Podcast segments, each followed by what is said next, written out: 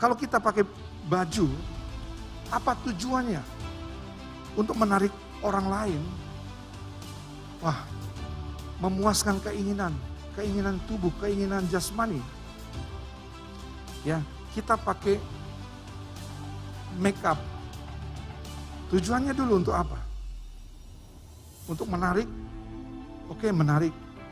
Tapi menarik yang bukan suaminya, saudara, hati-hati. Itu memuaskan keinginan keinginan tubuh. Ya bukan berarti tidak boleh, saudara. Boleh saja lihat tujuannya untuk apa.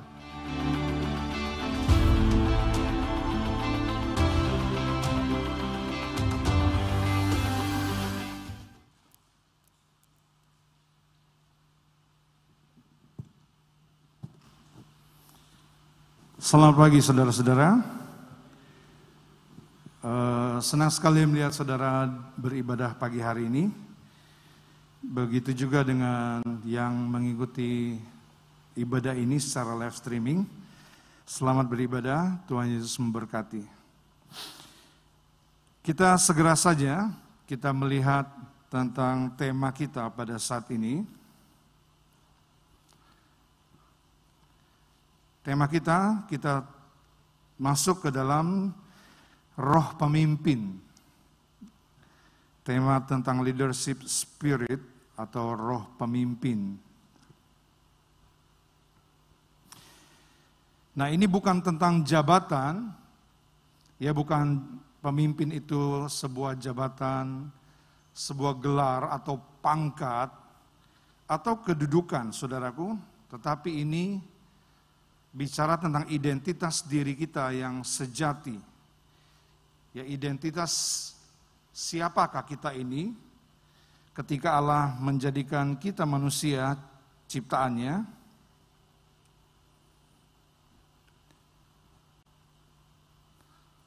Sudah keluar?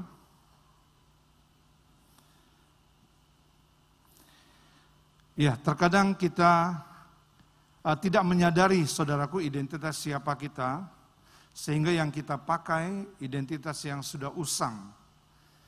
Kita lupa bahwa identitas uh, baru kita sudah diperbaharui oleh Tuhan sewaktu kita sudah diselamatkan. Nah, ini mengenai identitas sejati kita, identitas diri kita yang sebenarnya.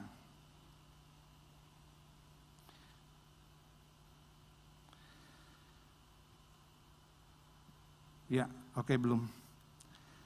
Nah, saudaraku, pengejaran terhadap kebenaran adalah pengejaran yang terutama di dalam kehidupan ini.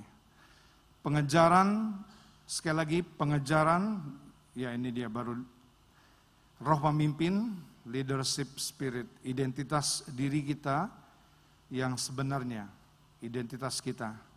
Nah, pengejaran yang terutama adalah kebenaran. Kenapa, saudaraku? Karena ketika kita tahu kebenaran, kebenaran itu akan memerdekakan kita. Ya seperti yang tertulis di dalam Yohanes 8 ayat 32, dan kamu akan mengetahui kebenaran, dan kebenaran itu memerdekakan kamu. Nah kita harus mengerti kebenaran identitas kita, yang mengenai siapakah kita ini sesungguhnya. Nah untuk mengetahui kebenaran, saudaraku, di dalam dunia ini banyak sekali standar kebenaran. Yang kalau kita ditanya kebenaran mana yang engkau pegang, nah kita harus menjawab seperti ini, kebenaran yang aku pegang adalah kebenaran yang orisinal. Kebenaran yang berasal dari sumber utama, sumber terutama dari mana kita berasal. Itulah sumber orisinal. Ya kita tahu kita diciptakan dari Tuhan, maka kebenaran yang paling mutlak yang kita eh, dapatkan adalah keterangan daripada yang menciptakan kita. Ya, kalau mau bertanya kepada uh, keterangan mengenai suatu produk, saudara seperti meja ini dibuat, kalau saudara mau mengerti kenapa tujuannya meja ini dibuat, tentunya kita bertanya kepada yang membuatnya. Ya demikian juga tentang kehidupan kita, kita harus bertanya kepada Tuhan yang menciptakan kita. Itulah kebenaran original. Kebenaran yang sejati yang kita bisa temukan. Dan kalau kita mengerti hal ini, saudaraku, kita merdeka dari segala macam informasi yang keliru yang pernah mendarat di hidup kita, dan informasi-informasi keliru yang pernah kita terima, itu kita jadi memerdekakan kita. Ya, jadi uh, dari informasi-informasi yang salah kepada informasi yang original, informasi yang benar-benar sejati yang kita ketahui dari pencipta kita. Nah, saudaraku, banyak informasi yang kita terima, ya, apalagi kita uh, di dunia ini. Segala macam informasi itu kita bisa terima, kita bisa dengar, saudaraku. Tetapi kita harus tahu informasi yang sejati itu kita tempat temukan hanya di dalam firman Tuhan hanya di dalam diri pribadi Tuhan sendiri yang menjadikan kita, yang menciptakan kita manusia ini. Jadi kita melihat sekarang uh, kejadian yang pertama yang ke-26 ini roh Allah itu adalah roh pemimpin. Ya, roh Allah dia adalah yang utama Ketika dia menciptakan kita, dia menghembuskan nafasnya. Dari dia kita ini berasal. Jadi, kalau kita ingin mengerti seperti apa diri kita, ya, dengan sumber, maka kita tahu, saudaraku, bahwa sesungguhnya kita ini punya sifat yang sama, punya kandungan yang sama dengan sumber itu. Jadi dari mana uh, sesuatu itu diciptakan, misalnya uh, sesuatu itu diciptakan dari sesuatu sumber, maka yang sumber dan yang diciptakan itu memiliki sifat yang sama, memiliki kandungan yang sama. Ya, Saudara coba baca Kejadian 1 ayat 26, Berfirmanlah Allah, baiklah kita menjadikan manusia menurut gambar dan rupa kita. Tuhan katakan begitu. Baiklah kita menciptakan manusia menurut rupa dan gambar kita yang seperti kita. Terus supaya mereka berkuasa. Ini tujuannya ya supaya mereka itu berkuasa atas ikan-ikan di laut, burung-burung di udara, dan ternak-ternak dan atas seluruh bumi, dan atas segala binatang melata yang merayap di bumi. Kita melihat kejadian 2 ayat 7.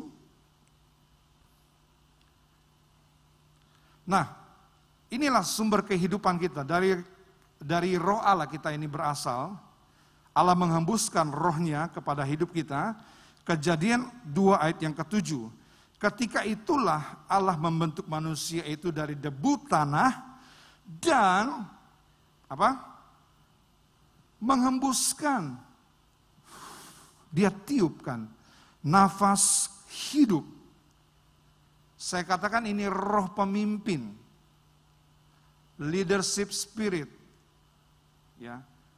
Roh pemimpin dari Allah itu ditiupkan di dalam kehidupan kita. Nah dihembuskan nafas hidup kita ke dalam hidungnya. Demikianlah manusia itu menjadi makhluk yang hidup. Jadi ketika dia menciptakan manusia, dia ingin jadikan manusia itu seperti dirinya. Ya. Yang berkuasa, yang punya kekuasaan, dia berikan kepada manusia itu, dia berikan kepada manusia. Jadi saudaraku ingat ini, Prinsipnya itu segala sesuatu yang diciptakan itu dengan sumbernya sama, ya. Uh,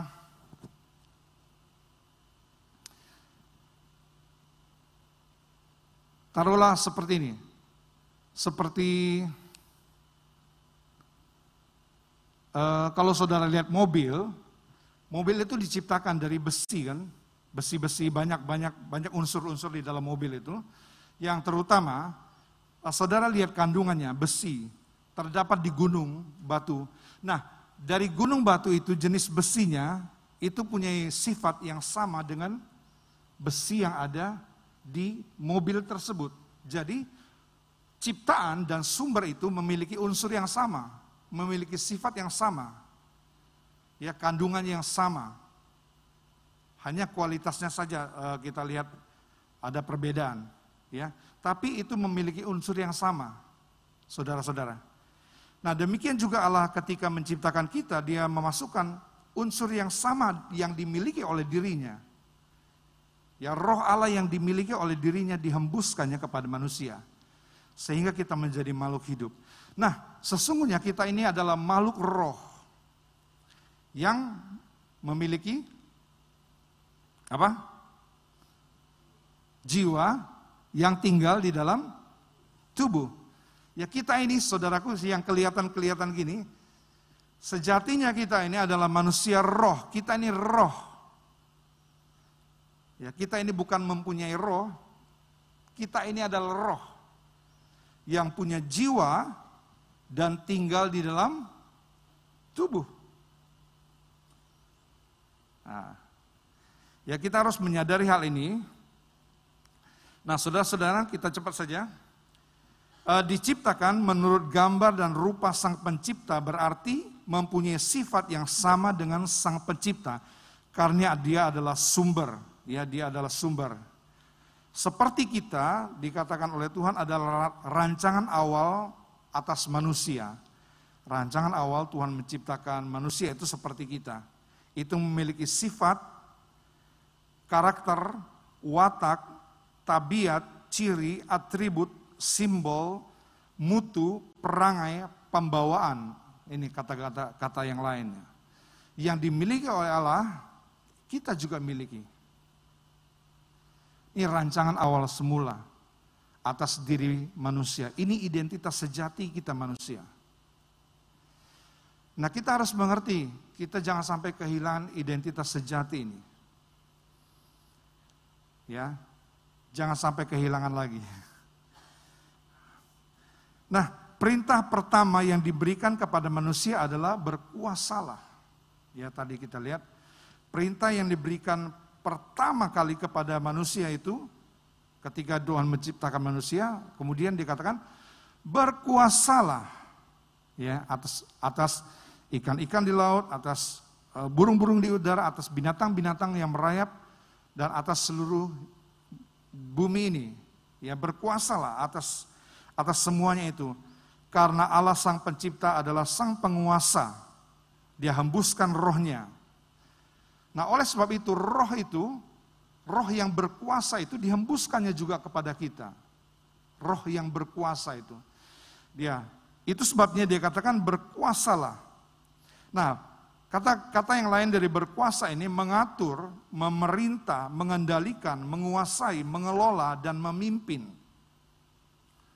Inilah roh yang ber, roh berkuasa di dalam diri kita untuk mengatur, memerintah, mengendalikan, menguasai, mengelola, dan memimpin hidup kita. Kita harus menyadari hal ini. Ini manusia yang semula, rancangan Allah yang semula, identitas sejati kita. Allah rancangan seperti ini. Nah, cuman saudaraku, yang kita disuruh berkuasa atas apa? Lingkungan. Kita disuruh berkuasa atas lingkungan kita. Berkuasa atas ikan-ikan, atas burung-burung, atas binatang-binatang, itu dalam arti berkuasa kita berkuasa atas lingkungan, kita diperintahkan untuk menguasai lingkungan. Kita ini dari dari debu tanah kita berasal. Untuk mengetahui potensi diri kita, saudaraku, kita tidak bisa. Kalau saudara mau menggali, biasanya orang menggali, kalau mau mendapatkan yang benda-benda berharga itu tidak bisa di permukaan. Harus menggali dalam, semakin dalam, semakin dalam, saudara akan mendapatkan hal-hal yang berharga di dalam diri kita. Diri kita ini juga ada lingkungan. Ya, diri kita ini seperti lingkungan, lingkungan di mana kita hidup. Kita harus menguasai diri kita. Ya, bukan atas manusia. Nah, pada waktu manusia jatuh, banyak yang dimiliki manusia Adam yang hilang. Kita sudah melihat hal itu. Dalam Roma 3 ayat 23, hilang kemuliaan Allah. Kemuliaan Allah yang semula itu hilang dan tidak pernah kembali lagi. Ya, yang semula itu hilang, tidak kembali lagi kepada diri manusia. Ya segala perkara itu hilang, kemuliaan Allah hilang. Namun ada yang tidak hilang di dalam diri kita, salah satunya adalah roh manusia kita. Ya, roh manusia kita tidak hilang. Nah, waktu manusia jatuh ke dalam dosa, rohnya tidak hilang, tetapi mati. Ya, tidak hilang rohnya, tetapi mati, saudaraku. Dia menunggu dibangkitkan kembali. Ya, Efesus 2 ayat yang pertama katakan, kamu dahulu mati karena pelanggaran-pelanggaranmu, karena dosa-dosamu, karena kejahatan-kejahatanmu, kamu dahulu sudah mati. Paulus bicara uh, kepada orang yang hidup tentunya. Dia berkata, kamu sudah mati. Dahulu kamu sudah mati, kita sudah mati terhadap pelanggaran, uh, karena pelanggaran-pelanggaran kita. Lalu Allah yang penuh rahmat kasih anugerah itu menghidupkan kita kembali. Kita baru menjadi uh, hidup roh kita. Nah kesadaran akan Tuhan juga mati saudaraku. Pada waktu roh manusia kita mati, kesadaran akan Tuhan juga mati bersama dengan roh itu. Dan roh pemimpin itu pun ikut terkubur. Ya, identitas sejati kita ikut terkubur. Sehingga manusia tidak mengerti lagi mengapa dia ada di bumi ini, mengapa dia hidup, untuk apa tujuannya, ya untuk apa dia berkuasa nanti. Ya, kita lanjutkan. Nah, manusia dikuasai oleh jiwa, jadi manusia jiwa yang begitu labil. Tadinya kita adalah manusia roh. Manusia roh kita mati, kita jadi manusia jiwa yang begitu labil, saudaraku. Hari ini gembira, tapi berapa waktu kemudian bisa sedih. Bisa berubah-berubah. Nah, hidup ini kita tidak boleh bergantung kepada jiwa kita, kepada pikiran, perasaan, dan kehendak kita. Kalau kita dikendalikan oleh jiwa kita yang labil, saudaraku, saudara menjadi manusia jiwa yang labil juga.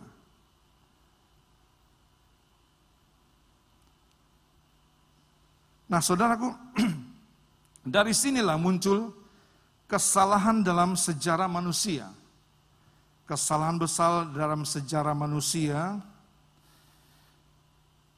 yaitu keluarlah jiwa pemimpin sedangkan roh pemimpin tadi mati.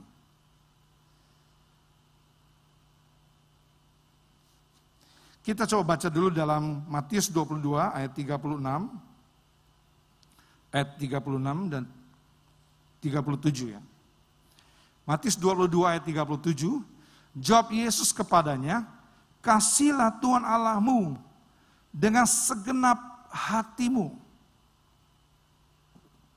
harus segenap hati itu dia bisa tidak dengan segenap. Ya dan dengan segenap jiwamu. Artinya keutuhan jiwa dalam kita mengasihi Tuhan itu mutlak. Jiwa itu pikiran kehendak keinginan kehendak dan perasaan, pikiran, perasaan, dan keinginan. Itu harus segenap dan segenap akal budimu. Itu harus utuh dalam kita mengasihi Tuhan. Nah, Kenapa tidak dikatakan segenap rohmu?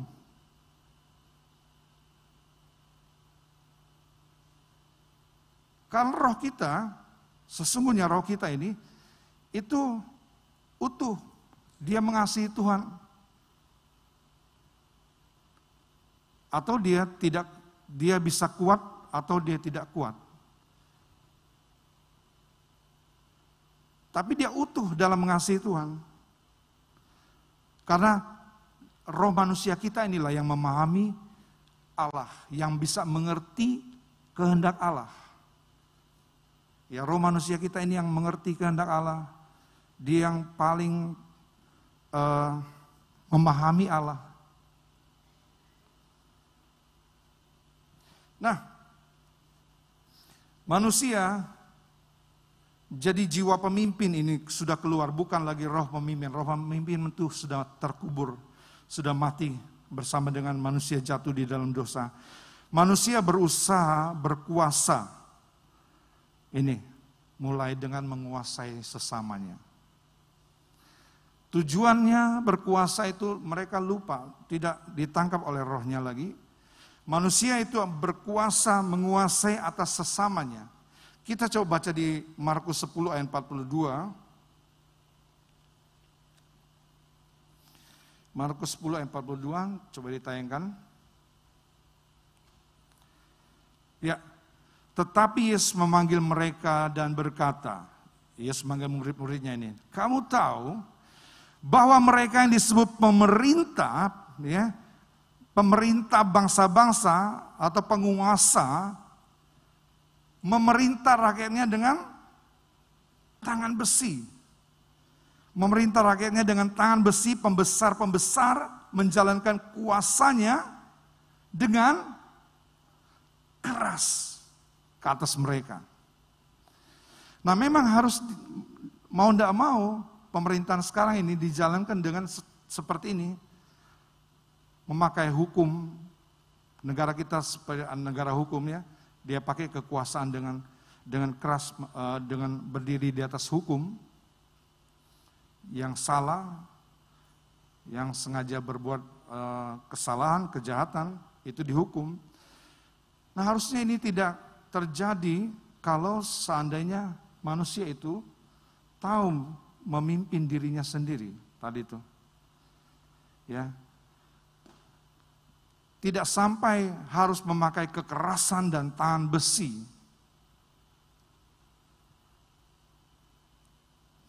Nah, kita lihat uh, dari sejak Adam dan Hawa terjatuh dalam dosa, Kejadian 4 ayat 8 mengatakan seperti ini, ya mulai pakai kekerasan dalam menguasai sesamanya. Ini kakak adik sendiri, ya. Dikatakan begini, kata Kain kepada Habel adiknya, ya kata Kain kepada Habel adiknya, marilah kita pergi ke padang. Ketika mereka ada di padang, tiba-tiba Kain memukul Habel. Kain ini kakak, Ya mungkin dia lebih kuat pasti, dia pemburu.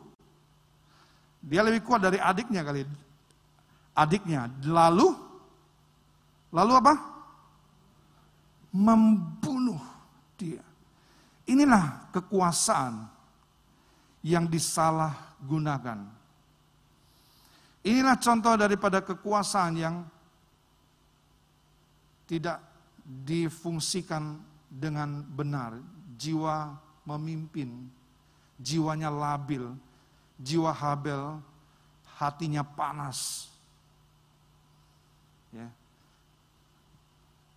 Wah, dia tidak bisa mengendalikan dirinya.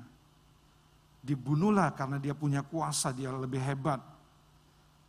Ini kekuasaan dipakai untuk dengan keras sampai membunuh adiknya. Nah kalau kita lanjut lagi, mulai dari sinilah manusia itu haus kekuasaan. Dia haus kekuasaan, mulai dari kejadian ini. Mengapa manusia haus kekuasaan? Karena dapat mengintimidasi, manipulasi, dan mendominasi sesamanya. Ya, dia mengendalikan mengendalikan orang lain, menekan orang lain. Nah, dari sinilah muncul segala istilah-istilah feodal, sistem pemerintahan ini. Feodal, monarki, oligarki, diktator, komunis, sosialis, termasuk demokrasi di negara kita. Yang mempunyai, yang semuanya mempunyai sistem yang sama yaitu untuk menguasai. Ya sistemnya sama ini menguasai. Kalau tidak dikuasai memang keadaannya kacau. Ya. Paling baguslah sistem pemerintahan tidak ada selain daripada kerajaan Allah. Amin. Kita tahu kerajaan Allah itu belum bisa ditegakkan di bumi ini sampai Yesus datang kembali. Zaman seribu tahun dia akan pakai sistem ini kerajaannya, memerintah. Sekarang ini baru bersifat rohani. Bersifat rohani sistem ini dikerjakan. Kalau kita mau ikuti sistem ini, saudaraku, kita aman, kita damai. Di bumi seperti di sorga benar.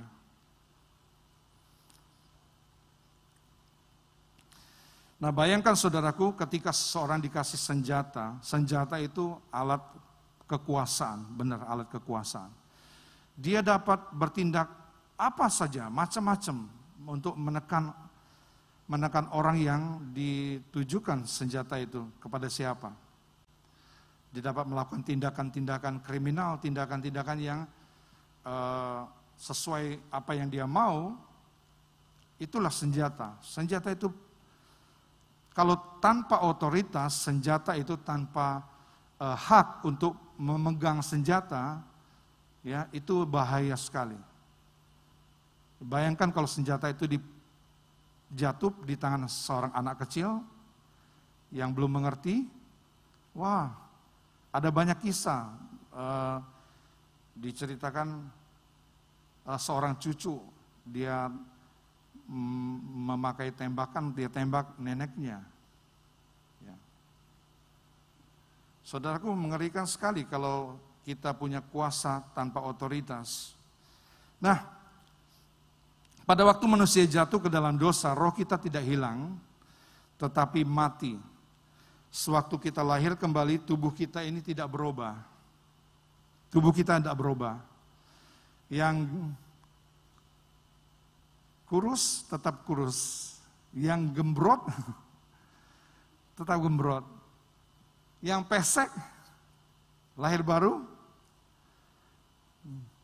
tetap pesek, tidak mancung dan mancung ke lahir baru. Lahir baru itu bukan tubuh kita yang berubah, tubuh kita tidak berubah, Nah, jiwa kita yang mengalami pembaharuan, jiwa kita alami pembaharuan dari bayi rohani menuju kedewasaan. Ya. Dari bayi rohani menuju kedewasaan jiwa kita ini. Nah, roh kita ini dibangkitkan, dihidupkan lagi. Bersama dengan roh yang dibangkitkan inilah roh pemimpin itu kembali leadership spirit itu kembali Tuhan berikan kepada kita. Dia ingatkan identitas kita. Sekali lagi ini bukan tentang jabatan pemimpin ini, ini roh yang Tuhan berikan ke dalam diri kita. Itu sebabnya walaupun orang tidak punya kedudukan, tidak punya jabatan, tidak punya pangkat, tidak punya gelar, saudaraku, dia kepingin tetap berkuasa. Dia punya alat yang bisa memaksa seseorang untuk menuruti keinginannya. Tetapi itu bukan maksud Tuhan, bukan tujuan Tuhan yang semula untuk eh, kita punya roh pemimpin itu. Nah, kita lihat teladan Yesus itu sungguh baik sekali. Saya bacakan di sini, teladan Yesus Yesus tahu bahwa Bapaknya telah menyerahkan segala sesuatu kepadanya. Lihatlah. Yesus tahu semua kuasa, semua hak, semua power itu diberikan kepada dirinya. Dia sudah tahu bahwa Bapaknya telah menyerahkan segala sesuatu kepadanya. Lihat ya, dia menyerahkan segala sesuatu untuk semua uh, yang apa pangkat yang tinggi, semua kedudukan, ya semua uh, jabatan, semua gelar ini sudah diberikan kepada dirinya. Dan bahwa ia datang dari Allah dan kembali kepada Allah. Dia ingat tujuannya cuman. Nah lalu ini yang dia lakukan. Lalu bangunlah Yesus dan menanggalkan jubahnya. Oke. Haleluya. Dia memberikan teladan kepada kita. Ya. Luar biasa. Dia dia tanggalkan jubahnya, dia mengambil sehelai kain lenan dan mengikatnya pada pinggangnya. Kemudian ia menuangkan air ke dalam sebuah basi dan mulailah membasuh. Membasuh kaki murid-muridnya lalu menyekanya. Dengan kain yang terikat pada pinggangnya. Luar biasa bukan? Dia punya segala kuasa itu tetapi dia sebagai servanthood, servanthood sebagai jiwa kehambaannya. Dia lakukan hal yang tidak biasa dilakukan oleh orang kebanyakan. Dia memberikan teladan itu bahwa kedudukan itu dipakai untuk melayani.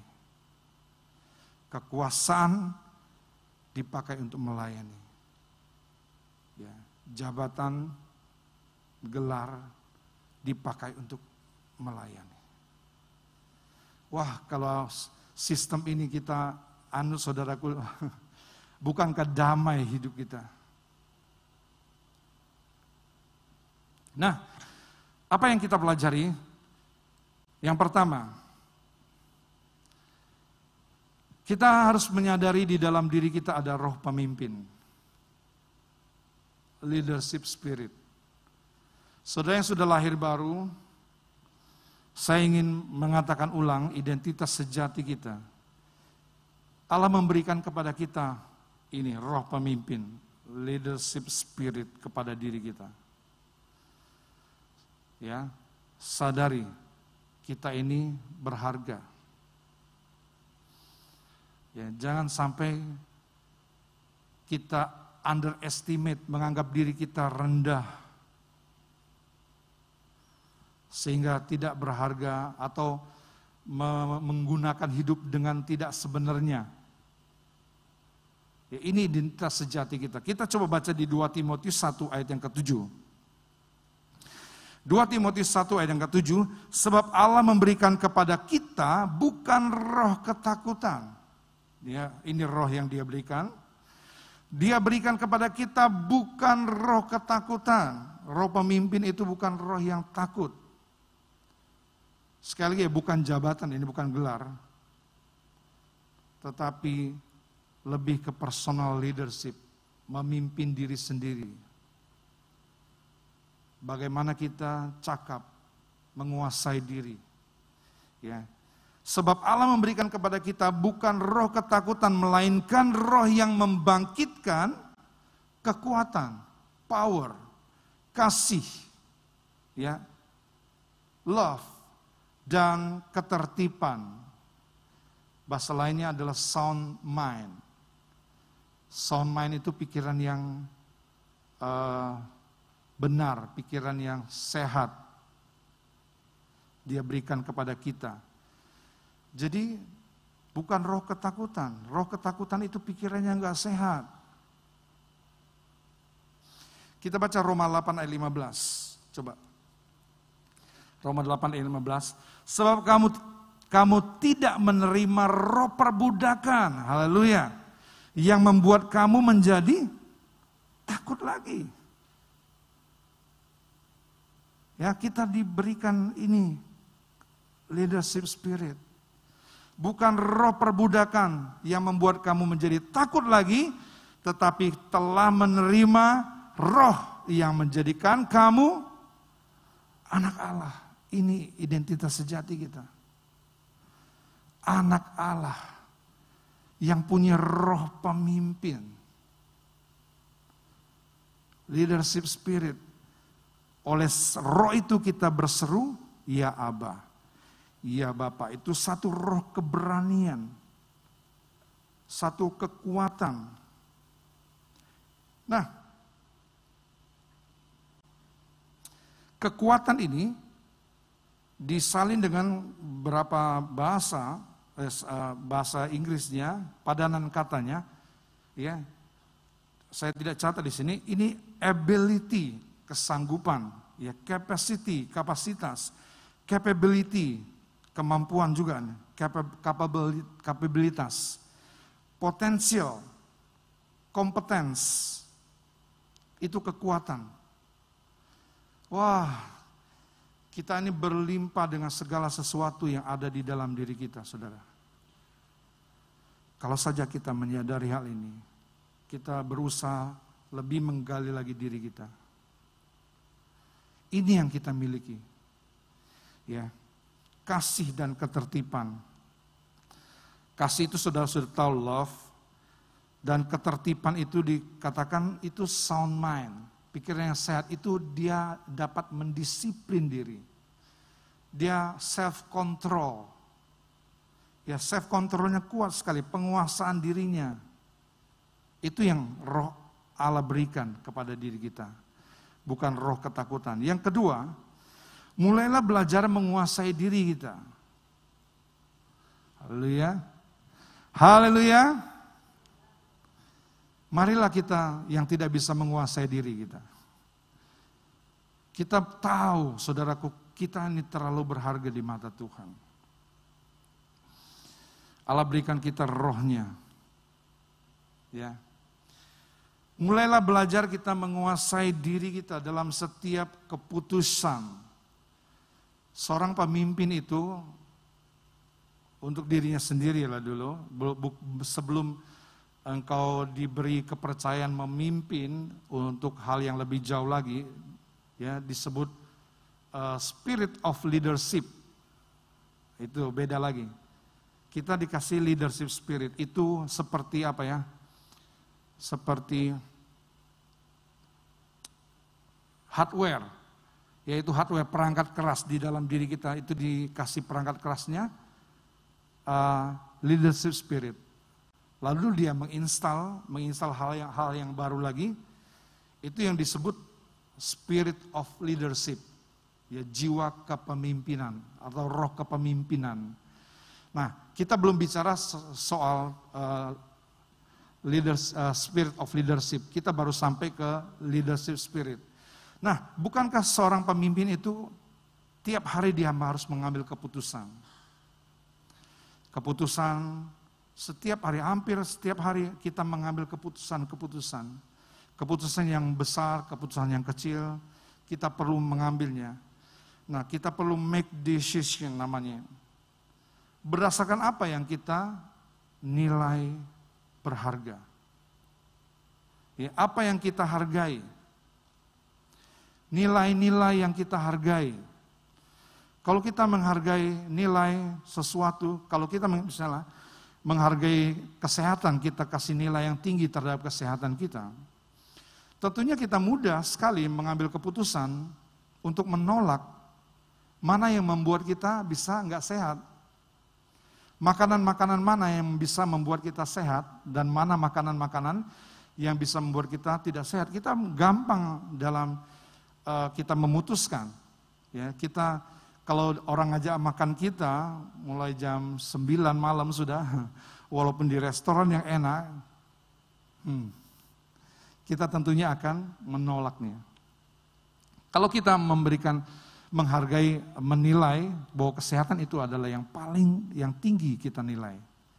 Ya, ya makin kita uh, nilai kita makin bagus, makin mudah kita mengambilkan mengambil satu keputusan. Nah inilah yang disebut leadership, uh, personal leadership atau self leadership ini. Kepemimpinan diri kita. 1 Korintus 9 ayat 27. 1 Korintus 9 ayat 27. Ya, tetapi aku melatih tubuhku dan menguasai seluruhnya. Haleluya. Aku melatih tubuhku dan menguasai seluruhnya. Nah, orang yang melatih tubuh dan menguasai seluruhnya, itulah orang yang punya ketertiban sound mind. Ya, dia punya akal sehat. Dia bisa menguasai, melatih tubuhnya, dan menguasai seluruhnya. Apa nilai-nilai yang dia pegang akan membuat dia mengambil keputusan lebih gampang lagi. Jadi kita mulailah menguasai diri kita dengan kita berdisiplin dan dengan kita bisa mengendalikan diri kita, self control. Dan yang terakhir,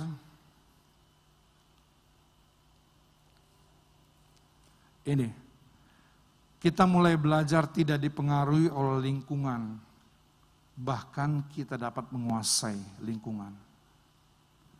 Amin, saudara. Amin. Jangan lagi saudara dipengaruhi oleh lingkungan yang khususnya lingkungan yang buruk mempengaruhi kita.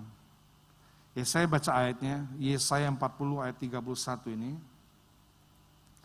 Tetapi orang-orang yang menanti-nantikan Tuhan, dia mendapat kekuatan yang baru. Ya, untuk apa kekuatan yang baru ini? Dia dapat kekuatan untuk terbang lebih tinggi. Dia boleh mengatasi cobaan badai sebesar apa pun juga yang mau menghancurkan dirinya, dia belajar menguasai lingkungan. Dia memang tidak bisa mengatasinya, tapi dia terbang lebih tinggi di atas badai itu. Dia memang tidak bisa mengendalikan badai, kita tidak bisa mengendalikan lingkungan, ya.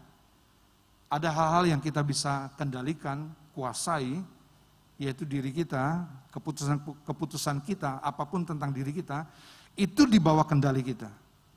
Yang tidak di bawah kendali kita, kita tidak mampu menguasainya, keputusan-keputusan orang, apa pun juga yang di luar kemampuan kita, ya kita tidak bisa menguasainya, tetapi saudaraku kita akan kita harus terbang tinggi mengatasinya. Inilah yang dikatakan mereka seumpama raja wali yang naik terbang dengan kekuatan sayapnya. Mereka berlari dan tidak menjadi lesu. Mereka berjalan dan tidak menjadi lelah. Haleluya. Sampai di sini Tuhan sudah menolong kita. Kiranya kita menyadari sesungguhnya kedahsyatan uh, roh Tuhan yang dia berikan kepada diri kita ini.